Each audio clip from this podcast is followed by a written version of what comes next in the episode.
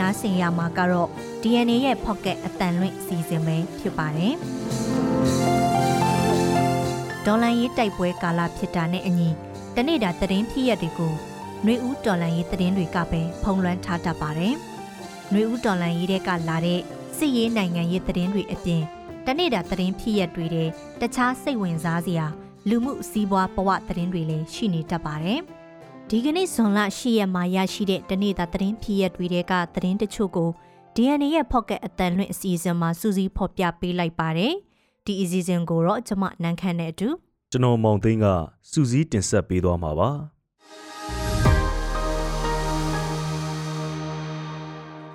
ပထမဦးဆုံးသတင်းတစ်ပုဒ်အနေနဲ့စစ်ကောင်စီကအကူအညီလိုအပ်နေတဲ့သူတွေအကူအညီမရဖို့ဖြက်လေးပြက်စနစ်ကျင့်သုံးနေတယ်လို့တမ္မတ်ကြီးဦးကျော်မိုးထွန်းကပြောလိုက်တဲ့သတင်းကိုပြောပြပေးပါမယ်။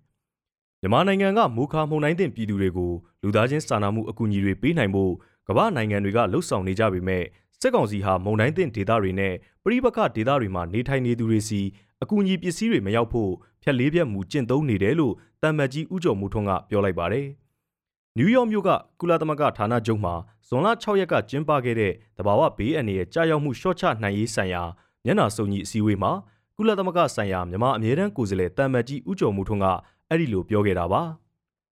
မိုခါမုန်တိုင်းကြောင့်မြန်မာနိုင်ငံမှာရိုဟင်ဂျာတွေအပါအဝင်လူဦးရေ450ကျော်သေဆုံးခဲ့တယ်လို့နေအိမ်စာတင်ကျောင်းလန်ဒရာတွေနဲ့စိုက်ပျိုးရေးလုပ်ငန်းတွေပျက်စီးခဲ့ရပြီးအစားအစာစေဝါယာယီခိုးလုံရနေရာစတဲ့အခက်အခဲတွေနဲ့ရင်ဆိုင်နေကြရတယ်လို့သူကပြောပါတယ်။ကုလသမဂ္ဂနဲ့အာဆီယံလူသားချင်းစာနာမှုအကူအညီပေးရေးဌာနတို့ကမြန်မာနိုင်ငံကအကူအညီလိုအပ်နေသူတွေကိုကူညီပေးနိုင်ဖို့ ကြိုးပမ်းဆောင်ရွက်နေတာတွေအတွက်ကျေးဇူးတင်တဲ့အကြောင်းတမ်မတ်ကြီးကပြောခဲ့တယ်လို့ဒီကူညီမှုတွေဟာအမှန်တကယ်လိုအပ်နေသူတွေစီရောက်ဖို့လဲအရေးကြီးတယ်လို့တဆက်တည်းပြောပါတယ်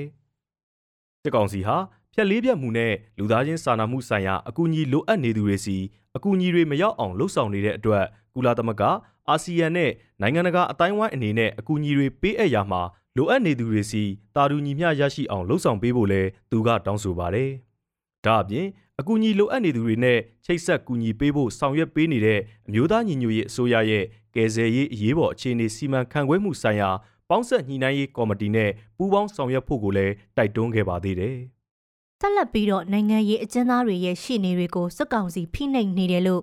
HRW ကပြောတယ်ဆိုတဲ့အကြောင်းကိုပြောပြပေးပါမယ်။နိုင်ငံရေးအကျဉ်းသားတွေအတွက်ဥပဒေအကျိုးဆောင်ပေးနေတဲ့မြန်မာရှေ့နေတွေဟာ အာဏာသိမ်းစစ်တပ်ရဲ့ဖိနှိပ်မှုရုပ်စွအစုံမတရားဖန်ဆီးမှုတွေကိုပါခံနေရတယ်လို့နိုင်ငံတကာလူ့အခွင့်အရေးစောင့်ကြည့်အဖွဲ့ HRW ကသတိပေးပြောကြားလိုက်ပါတယ်။စစ်အာဏာရှင်တွေရဲ့ကျင့်ဝတ်မဲ့ဖိစီးနှိပ်စက်မှုတွေကြောင့်ရှေ့နေတော်တော်များများဟာအဲ့ဒီလိုနိုင်ငံရေးနဲ့ဆက်နွယ်တဲ့အမှုတွေကိုတာဝန်ယူကင်တွေပေးတာမျိုးတောင်မရှိတော့ဘူးလို့ HRW ကဆိုပါတယ်။ တောင်ဆန်းစုကြည်ဦးဆောင်တဲ့ဒီမိုကရေစီအစိုးရကိုလက်နက်အားကိုးနဲ့ဖြုတ်ချပြီးစစ်တပ်ကအာဏာသိမ်းလိုက်တဲ့လွန်ခဲ့တဲ့နှစ်နှစ်ကျော်ကလေးကအတိုက်အခံအင်အားစုတွေကိုသွေးချောင်းစည်းနှိမ်နင်းမှုတွေလှုပ်ဆောင်ခဲ့တယ်လို့နိုင်ငံရေးအကျဉ်းသားထောင်ချီကိုဖမ်းဆီးခဲ့ပါတယ်။နိုင်ငံရေးအကျဉ်းသားများကူညီဆောင်ရှောက်ရေးအသင်း AAPP ရဲ့မှတ်တမ်းတွေအရနှစ်နှစ်ကျော်အတွင်းစစ်ကောင်စီက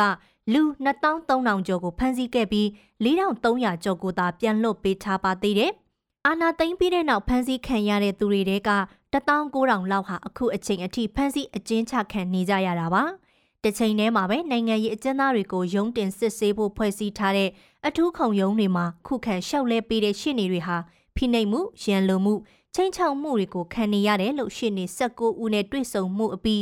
HRW ကဖော်ပြခဲ့ပါတယ်။ရန်ကုန်အခြေစိုက်ရှင်းနေတဦးက တရက်ခွင်မှာသူဟာအမှန်တရားအတွက်ရှင်းနေလိုက်ပေးရမယ့်အခြေအနေမှာသူကိုယ်တိုင်ထောင်ကျသွားမလားဆိုတာကိုတွေးပူရင်းစိတ်ဖိစီးနေခဲ့ရတယ်လို့ပြောတဲ့အကြောင်းကို HRW ကဖော်ပြပါတယ်။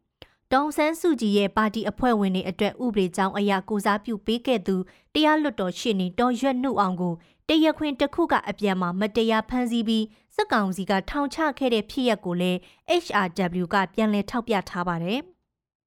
နောက်ထပ်သတင်းတစ်ပုဒ်အနေနဲ့မုံရွာမှာစစ်ကောင်စီတပ်လက်ချက်နဲ့9ရက်သားကလေးတူအပါအဝင်6ဦးသေဆုံးတဲ့သတင်းကိုပြောပြပေးပါမယ်။စကိုင်းတိုင်းမုံရွာမြို့နယ်ရေကန်စုရွာကိုဇွန်လ9ရက်မနေ့ကစစ်ကောင်စီတပ်တွေစစ်ကြောင်းထိုးဝင်ရောက်ခဲ့ပြီး9ရက်သားကလေးတူအပါအဝင်လူ6ဦးကိုတပ်ဖြတ်မိရှို့ခဲ့တယ်လို့မုံရွာမြို့နယ်ပြည်သူ့အုပ်ချုပ်ရေးအဖွဲ့စက်တော်ရေးတာဝန်ခံကိုနေမော်က DNA ကိုပြောပါတယ်။ပြည်သူ့ကာကွယ်တပ်ဖွဲ့ဝင်တွေကအဲ့ဒီကြေးရွာမှာခိတ္တတဲခုနေချိန်သတင်းပေးဒလန်ရဲ့သတင်းပေးချက်အရ ကြောက်စစ်ပုံအမြောက်တပ်ကစစ်ကောင်စီတပ်အင်အား90ကျော်ကမနက်၄နာရီခွဲလောက်မှဝင်စီးခဲ့တာလို့ဆိုပါတယ်။အဲ့ဒီလိုတပ်ဖြတ်တာကြောင့်ကလေးမိခင်တေဆုံးတာရှိမရှိနဲ့တေဆုံးသူတွေထဲမှာအရက်သားဘဏ္ဍဦးပြည်သူ့ကာကွယ်တပ်ဖွဲ့ဝင်ဘဏ္ဍဦးပါတယ်ဆိုတာတိတိကျကျမသိရသေးဘူးလို့လည်းကိုနေမော်ကပြောပါတယ်။စစ်ကောင်စီတပ်တွေဟာလက်နက်ကြီးလက်နက်ငွေတွေနဲ့ပြစ်ခတ်ဝင်ရောက်ခဲ့တာဖြစ်ပြီးဒဏ်ရာရရှိသူတွေရှိတဲ့အတွက်လုံခြုံတဲ့နေရာမှာစေဝါကုသမှုပေးနေပြီးအဲ့ဒီထဲကတဦးကတော့စိုးရင်ရတယ်လို့သိရပါတယ်။ စစ်ကောင်စီဝါဒဖြန့် Telegram Channel တွေမှာတော့အဲ့ဒီကျေးရွာစာတင်ကျောင်းမှာအခြေပြုထားတဲ့တော်လှန်ရေးအဖွဲ့တွေကိုဝင်ရောက်ရှင်းလင်းရာကတိုက်ပွဲဖြစ်ခဲ့ပြီး PDF ဘက်ကအမျိုးသား3ဦးအမျိုးသမီး2ဦးသေဆုံးတယ်လို့လက်လုံမိုင်းတွေလက်လုံတနက်တွေတင်စီရမိတယ်လို့လည်းဖော်ပြထားတာတွေ့ရပါတယ်။ရှမ်းပြည်နယ်ထဲမှာထိုင်းအမျိုးသမီးတရာကျော်ပြည်တစားအဖြစ်စေခိုင်းခံနေရတယ်ဆိုတဲ့အကြောင်းကိုပြောပြပေးပါမယ်။မြန်မာနိုင်ငံကရှမ်းပြည်နယ်ထဲမှာထိုင်းနိုင်ငံသားအမျိုးသမီး140ဦးဟာ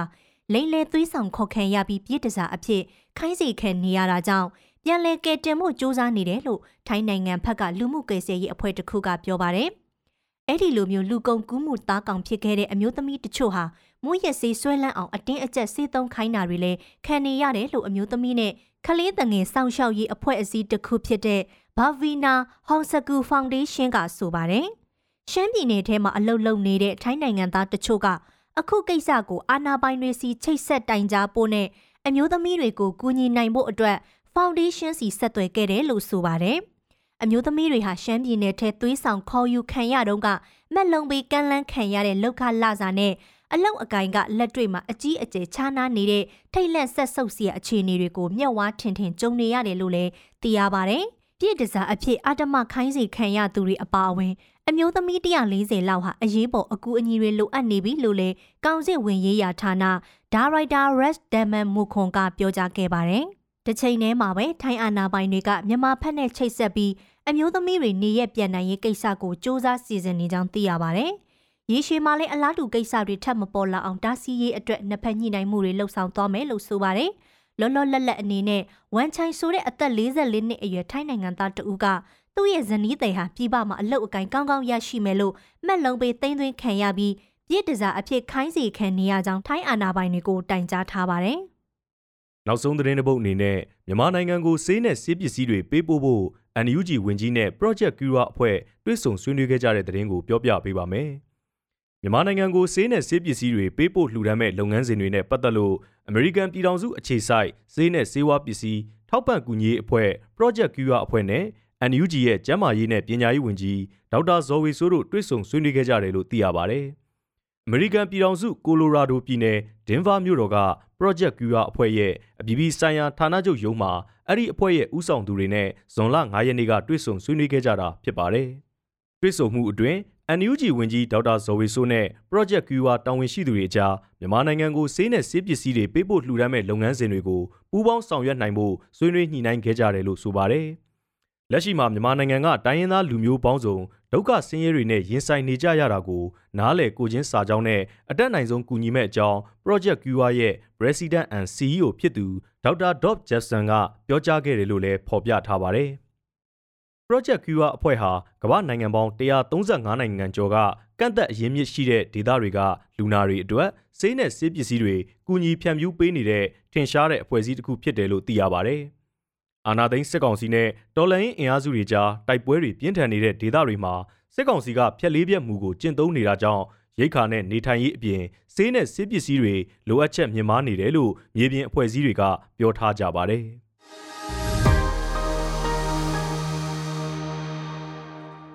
အခုနိုင်ငံတကာသတင်းအစီအစဉ်ကိုနန်းခမ်းကဆက်လက်တင်ဆက်ပေးပါမယ်။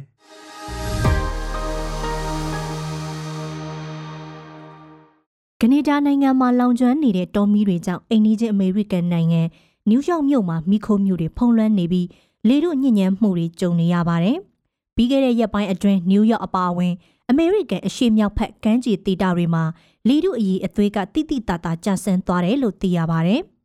ပြီးတော့လေထဲမှာမိခိုးမြူတွေဖုံးလွှမ်းနေတာကြောင့်မြင်ကွင်းမုံသွားတဲ့အခြေအနေတွေဖြစ်နေပါတယ်။ဥပမာအနေနဲ့တချို့အချိန်တွေမှာဆိုရင်နယူးယောက်ရဲ့အထင်ကရအဆောက်အုံကြီးတွေဖြစ်တဲ့လေဘာတီရုပ်တုနဲ့မိုးမျောတိုက်ကြီးတွေကိုတိတ်မဝေးလာတဲ့နေရာကနေတောင်မမြင်ရတာမျိုးဖြစ်နေကြပါတယ်ဇွန်လ9ရက်မနက်ပိုင်းကဆိုရင်နယူးယောက်ရဲ့ကောင်းကင်ရဟန်လိမ္မော်ရောင်ရှက်တန်းနေပြီးမြို့ခံတွေကလည်းနှာခေါင်းစည်းတွေတက်ရင်လှုပ်ရှားသွားလာနေတာကိုတွေ့ရပါတယ်။မြို့ရဲ့အာဏာပိုင်တွေကတော့ 1960ပြည့်လွန်နှစ်တွေနောက်ပိုင်းနယူးယောက်မှာအခုလောက်စိုးစိုးရွားရွားလေထုအရေးအသွေးကျဆင်းသွားတာမျိုးမဖြစ်ခဲ့ဘူးဘူးလို့ဆိုပါတယ်။နယူးယောက်မြို့တော်ဝန် Eric Adam ကတော့မျောလင့်မထားတဲ့အခြေအနေတစ်ခုကြုံလာချိန်မှာမြို့ခံတွေအနေနဲ့ကျမရေးသတိနှုတ်နှုတ်ကြကြရှိနေကြစီလိုကြောင်းတိုက်တွန်းသွားပါတယ်။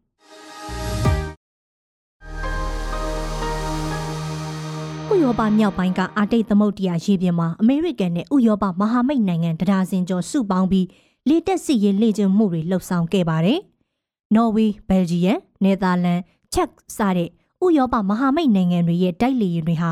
အမေရိကန်လေယာဉ်တွေနဲ့အတူပူးပေါင်းပြီးမဟာဗျူဟာမြောက်ချိတ်ဆက်ပြန်တန်းခဲ့ကြတာပါ။တိုက်လေယာဉ်တွေဟာနော်ဝေးနိုင်ငံအိုဝါလန်လေတက်စခန်းကနေပြန်တက်လာပြီးအာတိတ်သမုဒ္ဒရာရေပြင်ထက်မှအုပ်စုဖွဲ့ပြန်တန်းခဲ့ကြပါတယ်။ဒါအပြင်ခင်မီတိုက်လေယာဉ်တွေကိုလေထဲမှာစီးပြေးတဲ့လေ့ကျင့်မှုတွေပါပြုလုပ်ခဲ့ပါတယ်။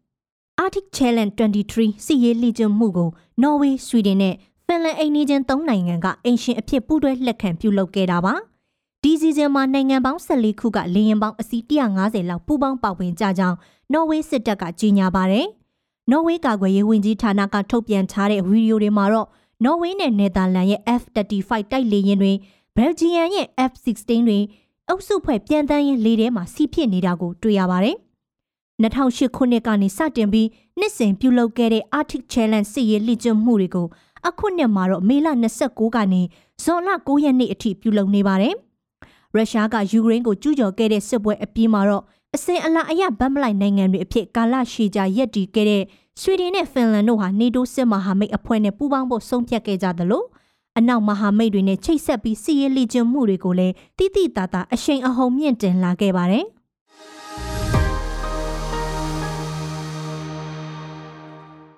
ဆက်လက်ပြီးတော့စာရေးစရာလင်းခါကသူ့ရဲ့ essay တစ်ပုဒ်ကိုကိုယ်တိုင်ဖတ်ပြပေးထားပါတယ်ရှင်ကျွန်တော်ရဲ့ Secret Alki ဆိုတဲ့စာအုပ်ထဲကတောင်တန်းကြံဝမ်းလွင်ပြင်ဆိုတဲ့ essay တစ်ပုဒ်ကိုဖတ်ပြခြင်းပါတယ်တောင်တန်းကြံဝမ်းလွင်ပြင်စိတ်ပြောင်းလဲမြန်တာကောင်းမကောင်းမသိပေမဲ့ငါအတော့ကိုစိတ်ပြောင်းလဲမြန်နေကောင်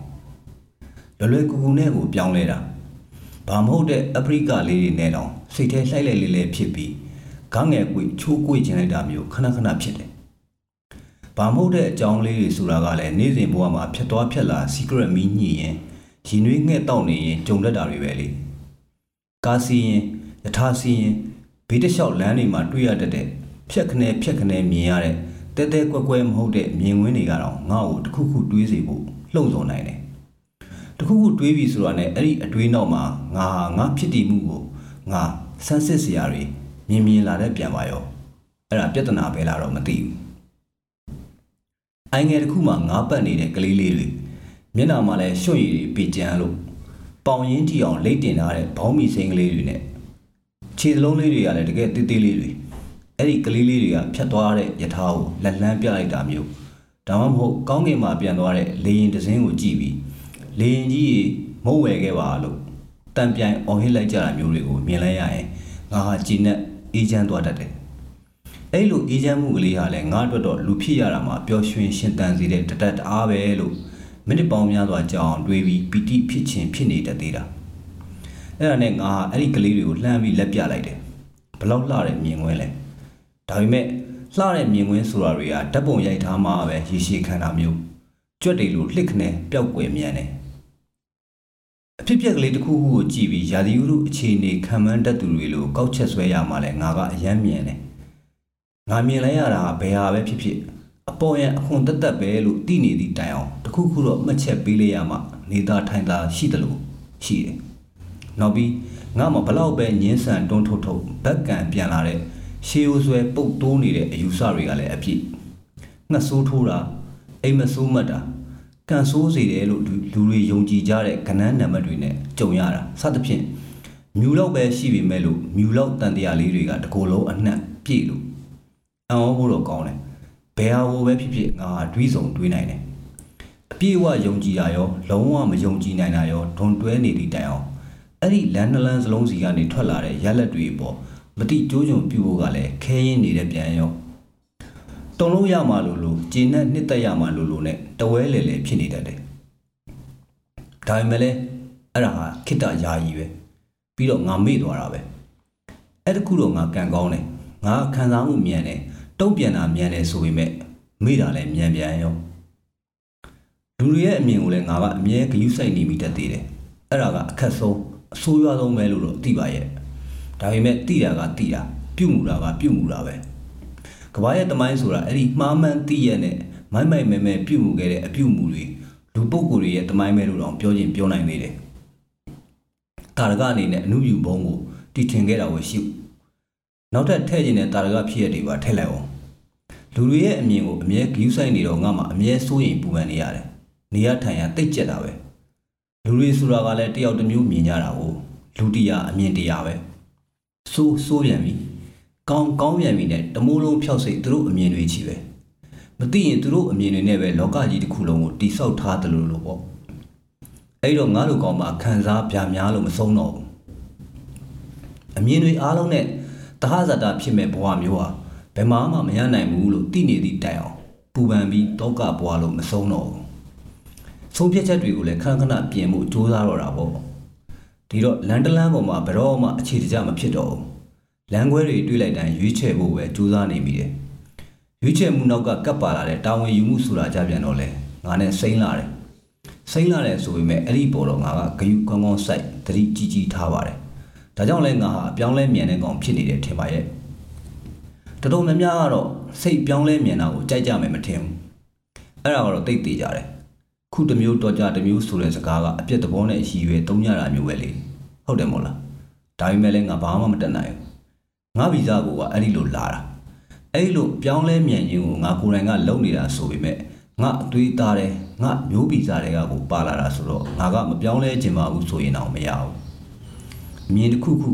ဖြစ်ရကလေးတစ်ခုခုလောက်ရဲ့ရိုက်ခတ်လှိုင်းခတ်တတိလေးတွေကိုထိတွေ့ကြုံကြိုက်လိုက်ရတာနဲ့ငါအတွင်းထဲကနေအပြောင်းလဲလုပ်ဖို့ကိုမပြတ်စီစုံနေတော့တယ်ငါကလည်းလွယ်လွယ်ကူကူလက်ခံလိုက်တာပဲငါကောင်းဖို့ပဲလို့ငါကထင်မိတာလေ စိတ်ပြောင်းလဲမြန်တာနဲ့ပတ်သက်လို့ခံစားရတဲ့အကျိုးဆက်တွေကိုလည်းတကယ်ကိုများတယ်ပြောင်းလဲမြန်တယ်ဆိုတာတကယ်တော့ခံစားလွယ်ထိခိုက်လွယ်တာပဲချစ်လွယ်မုန်းလွယ်မေ့လွယ်တယ်တိမ်ငယ်ပြီးတိတ်ဆိတ်နေရင်ကစိတ်အားတက်ကြွပြီးအော်ဟစ်နေနိုင်တဲ့အခြေအနေစီရောက်ဖို့အချိန်အများကြီးယူဖို့လည်းမလိုဘူးအစွန်းတစ်ဖက်ဆိုတာငါအတွက်တော့ကွန်းကိုညာဘက်ပစောင်းကနေဘယ်ဘက်ပစောင်းပြောင်းငုံတော့ပဲအဲ့တော့ငါဟာရုံမှရိုင်းဆိုင်တာရောဆွတ်လွတ်အနစ်နာခံတာကိုရော9မိနစ်အတွင်းပြောင်းလဲလောက်ကင်တဲ့လွမ်းရှိတယ်လို့တော့ဖြစ်နေတယ် ခုစာကလေးကျော်ခုပမုံနုဇန်အရင်ဧကရစ်အခုအဝိဆဆိုတာလို့ပေါ့အိမ်မက်မက်တယ်အိမ်မက်ကိုအကောင့်ထဲပေါ်ဖို့ကြိုးစားတယ်ကြိုးစားရင်လန်ခုလက်မှာအိမ်မက်တွေဖြစ်မလာတော့လဲဘာရေးလဲကွာလို့လက်လျှော့တက်လာတယ်နောက်ပြီးတစ်ခါဒီလိုကြီးတော့လည်းမဟုတ်သေးပါဘူးရဲ့လို့တွေးရင်လုံးလက်စအလုပ်ကိုပြန်လဲကောက်ကင်မှုကြိုးစားတယ်ငါဘွားရဲ့စင်ကျင်စဉ်းစားတွေးခေါ်သုံးသက်တက်လာတဲ့အပိုင်းကိုအနှစ်ချုပ်ချရေးရမယ်ဆိုရင်အဲ့ဒါပဲစိတ်ကူးရင်လည်းစိတ်ကူးကိုတိဆောက်ဖို့အားထုတ်တယ် ငါစိတ်ကူးကအတိတ်ဘယ်မှာရှိပါရဲ့လားလို့ပြန်တွေးတယ်ပြီးတော့ရက်ပစ်လိုက်တယ်ပြန်လုပ်တယ်အဲ့ဒီအစဉ်တိုင်းသွားနေတာပဲတချို့ကိစ္စကလေးတွေမှာတော့လမ်းဆုံးပန်းနိုင်အထိရှောက်မိသွားတာတွေလည်းရှိတာပေါ့ဒါပေမဲ့အဲ့ဒါကံကောင်းလို့ဘေးကပယောဂဝင်မလာနိုင်တဲ့အရက်ဒေတာမှာပြုလုပ်တိဆောက်ရတဲ့စိတ်ကူးတယ်ဖြစ်နေလို့ပဲပြောင်းလဲမြန်ခြင်းနဲ့ပတ်သက်လို့ရွေးထုတ်လို့ပြောပြနိုင်တဲ့ငါရဲ့တချို့ဖြစ်ရကလေးတွေလည်းရှိပါတယ်ဒါပေမဲ့အဲ့ဒါတွေနဲ့လုံလောက်ပါမလားစဝါနိုင်ပါမလားလို့တန်တရားတော့ရှိနေပြီတယ် နောက်ပြီးပြင်းစရာလည်းကောင်းမယ်ထင်တယ်ဒါပေမဲ့အတက်နိုင်ဆုံးငါပြောကြည့်ပါမယ်လွန်ခဲ့သောနေ့တစ်နေ့တုန်းကပေါ့ရာသူလူကနေပူချိန်တချိန်ချိန်ထိုးအဆအဆရရကိုလောင်မြိုက်နေတဲ့နေကတ္တရာလမ်းပေါ်တလျက်ခွေတလိမ့်လိမ့်ထားလို့အဲ့ဒီလမ်းပေါ်ငယ်ရသေးတဲ့တားတဲ့အမေတယောက်အကအပြုတ်မပါဘာမပါနဲ့နှုံးချစွာလမ်းတွေလျှောက်လို့သူ့ရင်ဝင်နဲ့နှစ်နှစ်သုံးနှစ်အရွယ်ရှိမဲ့ကလေးလေးတယောက်ထဲထားလို့ ခါးလေးတောင်ကုန်းလို့နေပါတယ်ငါအဲ့ဒီမြင်ကိုအရေးရတဲ့တစ်ပင်အောက်ကနေလှမ်းငေးကြည့်နေခဲ့တာအဲ့လိုကြည့်နေတော့ဘုံစုတော်ပါပြီငါမပြောချင်တော့ဘူးမင်းတို့အတွက်လည်းကောင်းမယ်မထင်ဘူးငါလည်းအဲ့ဒီအကြောင်းကိုစိတ်မပါတော့ငါတည်တည်ချင်တာကငါရဲ့စိတ်ပြောင်းလဲမြန်ခြင်းနဲ့ပတ်သက်တဲ့အကူကားလေးတစ်ခုကိုပဲစိတ်ပြောင်းလဲမြန်တယ်ဆိုတာဇင်းမြစ်ချလိုက်တော့ကိုကိုကိုယုံကြည်မှုမရှိတဲ့ကိစ္စလည်းဖြစ်နေတယ်ကိုကိုမယုံကြည်တဲ့နောက်တော့ဘာမှလုပ်ဖို့မကောင်းတော့ဘူး အဲ့ဒီအကြောင်းကိုငါပြောချင်တာဒါပေမဲ့အားလုံးမှာထူးခြားတဲ့ဘဝဖြတ်တန်းမှုကိုယ်စီရှိကြတာကြီးပဲကိုယ်တိုင်ဖြတ်တန်းလာရတဲ့ဘဝဇလံတမိုင်းရည်စည်းတွေကစိတ်ပြောင်းလဲနဲ့ဆက်ဆိုင်တဲ့ပြင်းထန်တဲ့ကိုယ့်ကိုယ်ကိုမယုံကြည်မှုနဲ့ပတ်သက်တဲ့ဖြစ်ရပ်တွေကိုတတိယကြရမှာရှိပဲဖြစ်ပျက်ဇလန်းတူလေးတွေအစားကြပြတပုတ်နဲ့ပြောပြပါရစီတော့ပါနုနုတွေးကြည့်ဥအောင်ဖြတ်ရိုက်ခြင်းငါမှရှေးဦးစင်လာအယူဆဆွဲတွေရှိတော့မယ် အောင်မြေသွားနေတာအိမ်ထဲမှာလက်သေးမညက်တာနဲ့မွေးနေ့မှာသပင်မညက်တာမျိုးတွေငါမှကြိုရေးထားတဲ့ကံကြမ္မာနဲ့ချင်းတွေးဖို့တော့စိတ်ထက်သန်နေမိတာပဲငါမှလောက်အားကတော့ကုန်ခန်းသွားပြီဆိုပေမဲ့ငါမှလိန်စိတ်ကတော့အထူးနိုးကြဆိုပေမဲ့တစ်နေ့9မိနစ်လောက်ဝိပဿနာအားထုတ်ဖို့ကလည်းဆန္ဒရှိတော့မယ်ငါကဒန်းတူညီများမှုကိုချစ်တယ်ဆိုပေမဲ့ တရောင်းသားလေးကပခုံးလာကင်တော့ငါအလန့်တကြားထခုံမိတယ်ပခုံးကိုတီရှူးနဲ့တုံးမိတယ်ဆိုပေမဲ့သူထွက်သွားတာနဲ့မျက်ရည်ကျမိပါတယ်ငါတယောက်တည်းမြေကမ်းဘေးမှာထိုင်ငါဟာမြည်ရည်ပြင်ကိုကြည့်ကြောက်ခဲတွေမြစ်ထဲပစ်ချငါဟာတောင်ပေါ်ကိုတက်ရှုခင်းကိုကြည့်ငါဟာငါနာမည်ရှိမှပြည်သူအတွက်လို့ဆိုပေမဲ့ငါဟာမတိနိုးနာတွေကိုရိုင်းရိုင်းဆိုင်ဆိုင်ဆဲဆူခြင်းပြန်တယ် ငါဟာဘလို့ပါလိမ့်မမေးပါနဲ့ငါဟာဘလို့ပါလဲလို့တင်ပြောကြည့်လေလင်ခါ